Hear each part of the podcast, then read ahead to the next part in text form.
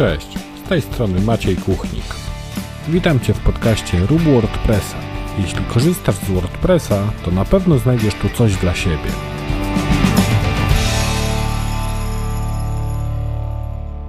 Cześć, witam Cię w 163 odcinku podcastu Rób WordPressa.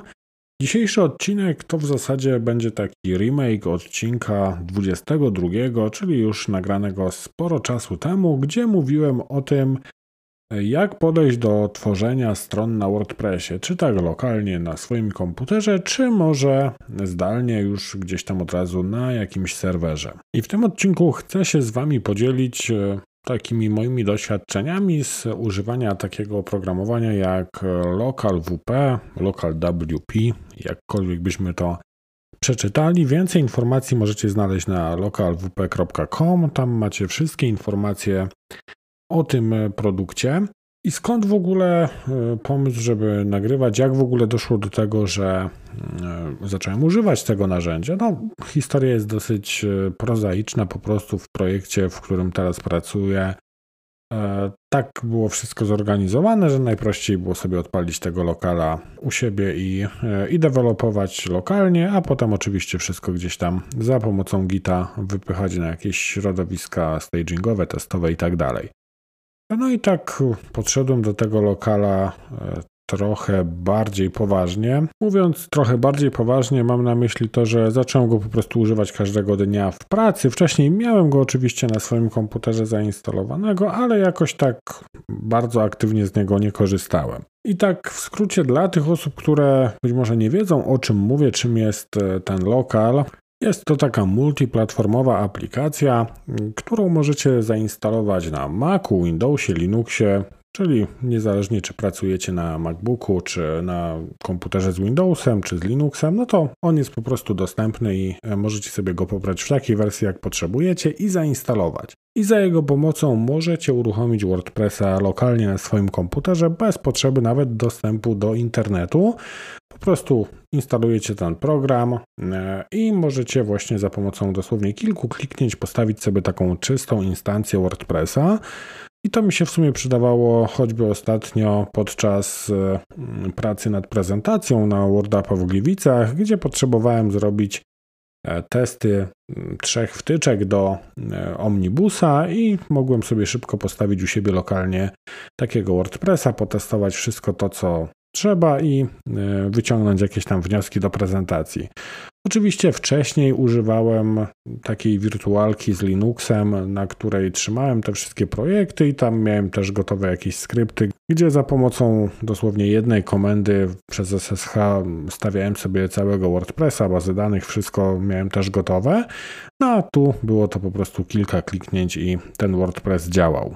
I w taki sposób możecie też używać e, tego narzędzia do nauki w ogóle tworzenia stron na WordPressie bez potrzeby instalowania WordPressa na jakimś hostingu, czy nawet e, rejestrowania jakiegoś konta hostingowego, darmowego czy płatnego. No ale przechodząc dalej, oprócz oczywiście automatycznej instalacji, to narzędzie ma wiele fajnych, przydatnych e, feature'ów, i tutaj skupię się tylko na tych feature'ach darmowych i na tych, które powiedzmy mogą mieć e, największe znaczenie e, dla nas, dla ludzi, którzy dewelopują strony na przykład na rynek polski, bo mamy tam też takie integracje z jakimiś automatycznymi deploymentami e, na hostingi Flywheel i, i bodajże WP Engine, jeśli mnie pamięć nie myli. Ale ja się tutaj skupię na takich rzeczach, które powiedzmy częściej mogą Wam się gdzieś tam przydać i które też e, w zasadzie sam bardzo często wykorzystuję. I to chyba za to polubiłem lokala bardziej, jakoś po prostu się bardziej do niego przekonałem. Nie to, żebym miał cokolwiek przeciwko, jeśli chodzi o tego typu rozwiązania, no ale jakoś do tej pory tego typu e, soft, e, no jakoś nie był mi po drodze, wolałem tą moją wirtualkę z Linuxem, gdzie tam przez SSH wszystko sobie ogarniałem. No i to, z czego ja też e, bardzo często korzystam, to są wszelkie takie narzędzia deweloperskie typu choćby na przykład WPCLI, które pozwala mi wykonywać szybko jakieś tam operacje w tych e, moich WordPressach, ale też bardzo dużą zaletą tego e, oprogramowania jest to, że możemy bardzo szybko zmieniać środowisko, w jakim pracuje nasz WordPress. Jeśli przykładowo piszę wtyczkę do, do WordPressa dla mojego klienta, no to chcę, żeby ona była mm, kompatybilna z PHP w wersji tam 8.1 na przykład, e, czy, czy 8.0, no to mogę spokojnie sobie ustawić taką wersję i testuję sobie, czy to wszystko działa poprawnie na wersji 8. No ale też chciałbym zachować kompatybilność z wersją 7.4, więc jeśli potrzebuję sobie szybko sprawdzić, czy to działa na 7.4, no to dosłownie dwa kliknięcia i mój WordPress już pracuje na wersji 7.4. Oczywiście na tej mojej wirtualce również było to osiągalne, no ale powiedzmy wymagało troszkę więcej czasu i troszkę więcej zaangażowania mm, z mojej strony i w sumie tutaj e, jest dużo prościej, nie trzeba robić jakichś tam fikołków w konsoli, tylko kilka kliknięć i mamy to. Podobnie jest e, z web serwerem, możemy korzystać z Apache, możemy sobie tam szybko podmienić go na Nginxa, jeśli mamy taką potrzebę i również możemy wykonać sobie jakieś testy. Oprócz 8, oprócz PHP 8, 7.4, 7.3 mamy jeszcze też dostęp do tak archaicznych wersji jak choćby 5.6.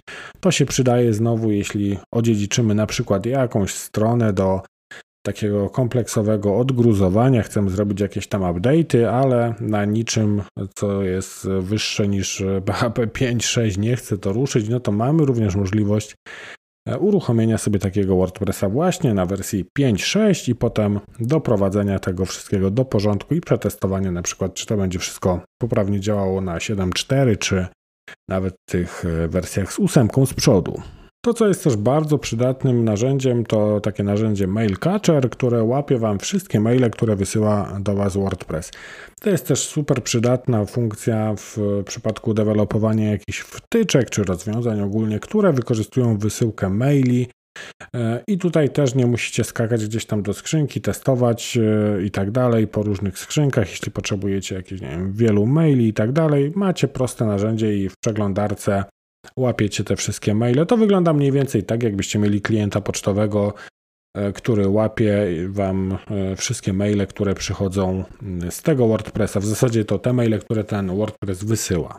Kolejna super przydatna rzecz dla dewelopera, no to oczywiście logi. Jeśli mamy jakiekolwiek problemy ze stroną, no to to jest takie miejsce, taka kopalnia informacji na temat tych problemów, czy to podczas developmentu nowych rozwiązań, czy na przykład podczas E, poszukiwania problemów, e, prób właśnie odgruzowania takich stron, które e, ktoś gdzieś tam kiedyś zrobił i tak sobie leżały na, na tym hostingu i chodzą na przykład na PHP 5.6. Więc tutaj logi też super E, super przydatne narzędzie. Oczywiście te logi na, na hostingach, czy takich współdzielonych, czy, czy na wirtualkach, dedykach i tak dalej, oczywiście one też są, tym, że no, różnie bywa z dostępem do tych logów. Część hostingów udostępnia to mm, tak po prostu w panelu, choćby tak jak e, CyberFolks, który jest partnerem tego odcinka, jak i zresztą całego mojego podcastu. Jeśli słuchacie regularnie, no to na pewno wiecie, że e, CyberFolks wspiera mnie w nagrywaniu tego podcastu i są ze mną już od długiego, długiego czasu i tam na przykład wygląda to tak, że macie dostępne logi per domena, zarówno access log, jak i error logi. Możecie z poziomu panelu sobie e, te logi przeglądać, czy pobrać na dysk i analizować jakoś głębiej. No ale niektóre hostingi na przykład udostępniają dopiero w momencie, gdy wyślecie im ticket i administratorzy gdzieś tam wyciągną te logi i wrzucą wam do jakiegoś katalogu, więc no bywa to dosyć problematyczne. No a tu mamy wszystko na tacy podane i możemy sobie bez problemu przeglądać te logi po prostu lokalnie na swoim komputerze. Jeśli mamy e, takie projekty, które mają dużo części wspólnych, możemy też użyć e, czegoś takiego, co się nazywa Site Blueprints. To jest e, narzędzie tego typu, że możemy sobie po prostu klonować te strony, albo możemy mieć takie powiedzmy szablony, gdzie mamy zainstalowanego WordPressa, jakiś zestaw pluginów, motyw, czy, e, czy jeszcze jakieś tam inne, mm, inne rzeczy, choćby związane z konfiguracją. Możemy po prostu sobie szybko postawić stronę e, z takiego, można powiedzieć, szablonu, jeśli jako szablon rozumiemy całą instancję WordPressa, w pewnych sytuacjach na pewno też e, bardzo przydatne. Ja akurat rzadko z czegoś takiego korzystam, no bo większość moich projektów jest budowanych albo gdzieś tam od zera, albo moją rolą jest tylko napisanie na przykład jakiejś wtyczki, więc nie potrzebuję całego środowiska. I to oczywiście nie są wszystkie funkcje tego softu. Wszystko znajdziecie na localwp.com. Tam macie wszystko rozpisane fajnie i, i możecie sobie sprawdzić, czy ewentualnie są tam jakieś funkcje, które byłyby szczególnie przydatne dla Was. Ja się skupiłem właśnie bardziej na tych aspektach, które są dla mnie istotne w mojej pracy. Tutaj oczywiście dostęp do SSH i WPCLI, no to to jest dla mnie jedna z takich kluczowych rzeczy, gdzie mogę sobie też robić jakiś, nie wiem, choćby automatyczny skrypt do, do deploymentu takiej strony już e, na zewnątrz, na jakiś zewnętrzny serwer. I to mnie też w żaden sposób nie ogranicza, no bo w tym skrypcie mogę sobie bez problemu oprogramować wszystko tak, jak chcę.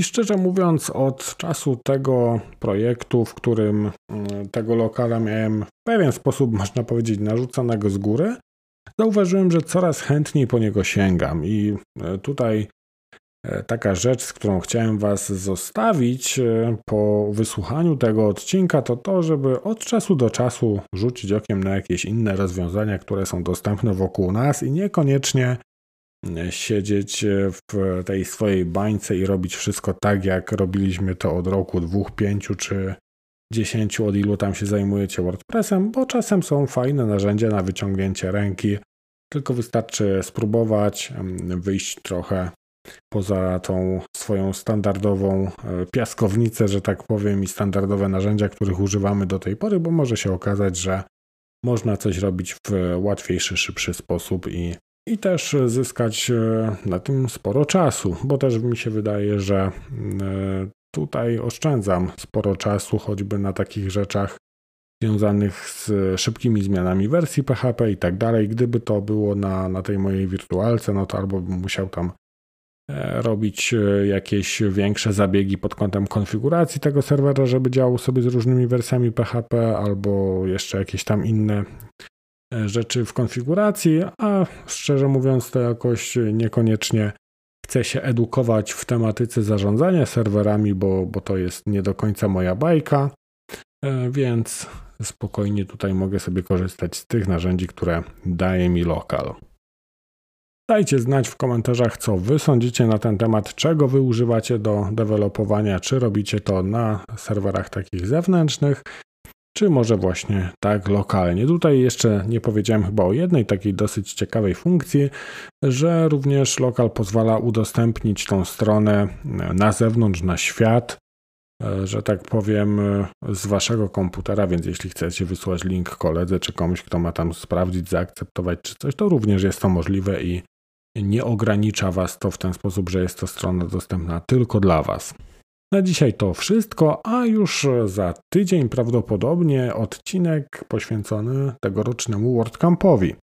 E, tutaj mogę zdradzić już, że w tym czasie do WordCampa, czyli do połowy maja, pojawią się co najmniej trzy odcinki dotyczące WordCampa, gdzie będę rozmawiał z organizatorami na różne tematy związane z tą konferencją. Mam nadzieję, że się zobaczymy w Gliwicach w maju i że będziemy mieli okazję przybić piątkę taką realną na żywo, a nie tylko wirtualną gdzieś tam na Instagramach, Facebookach czy innych portalach.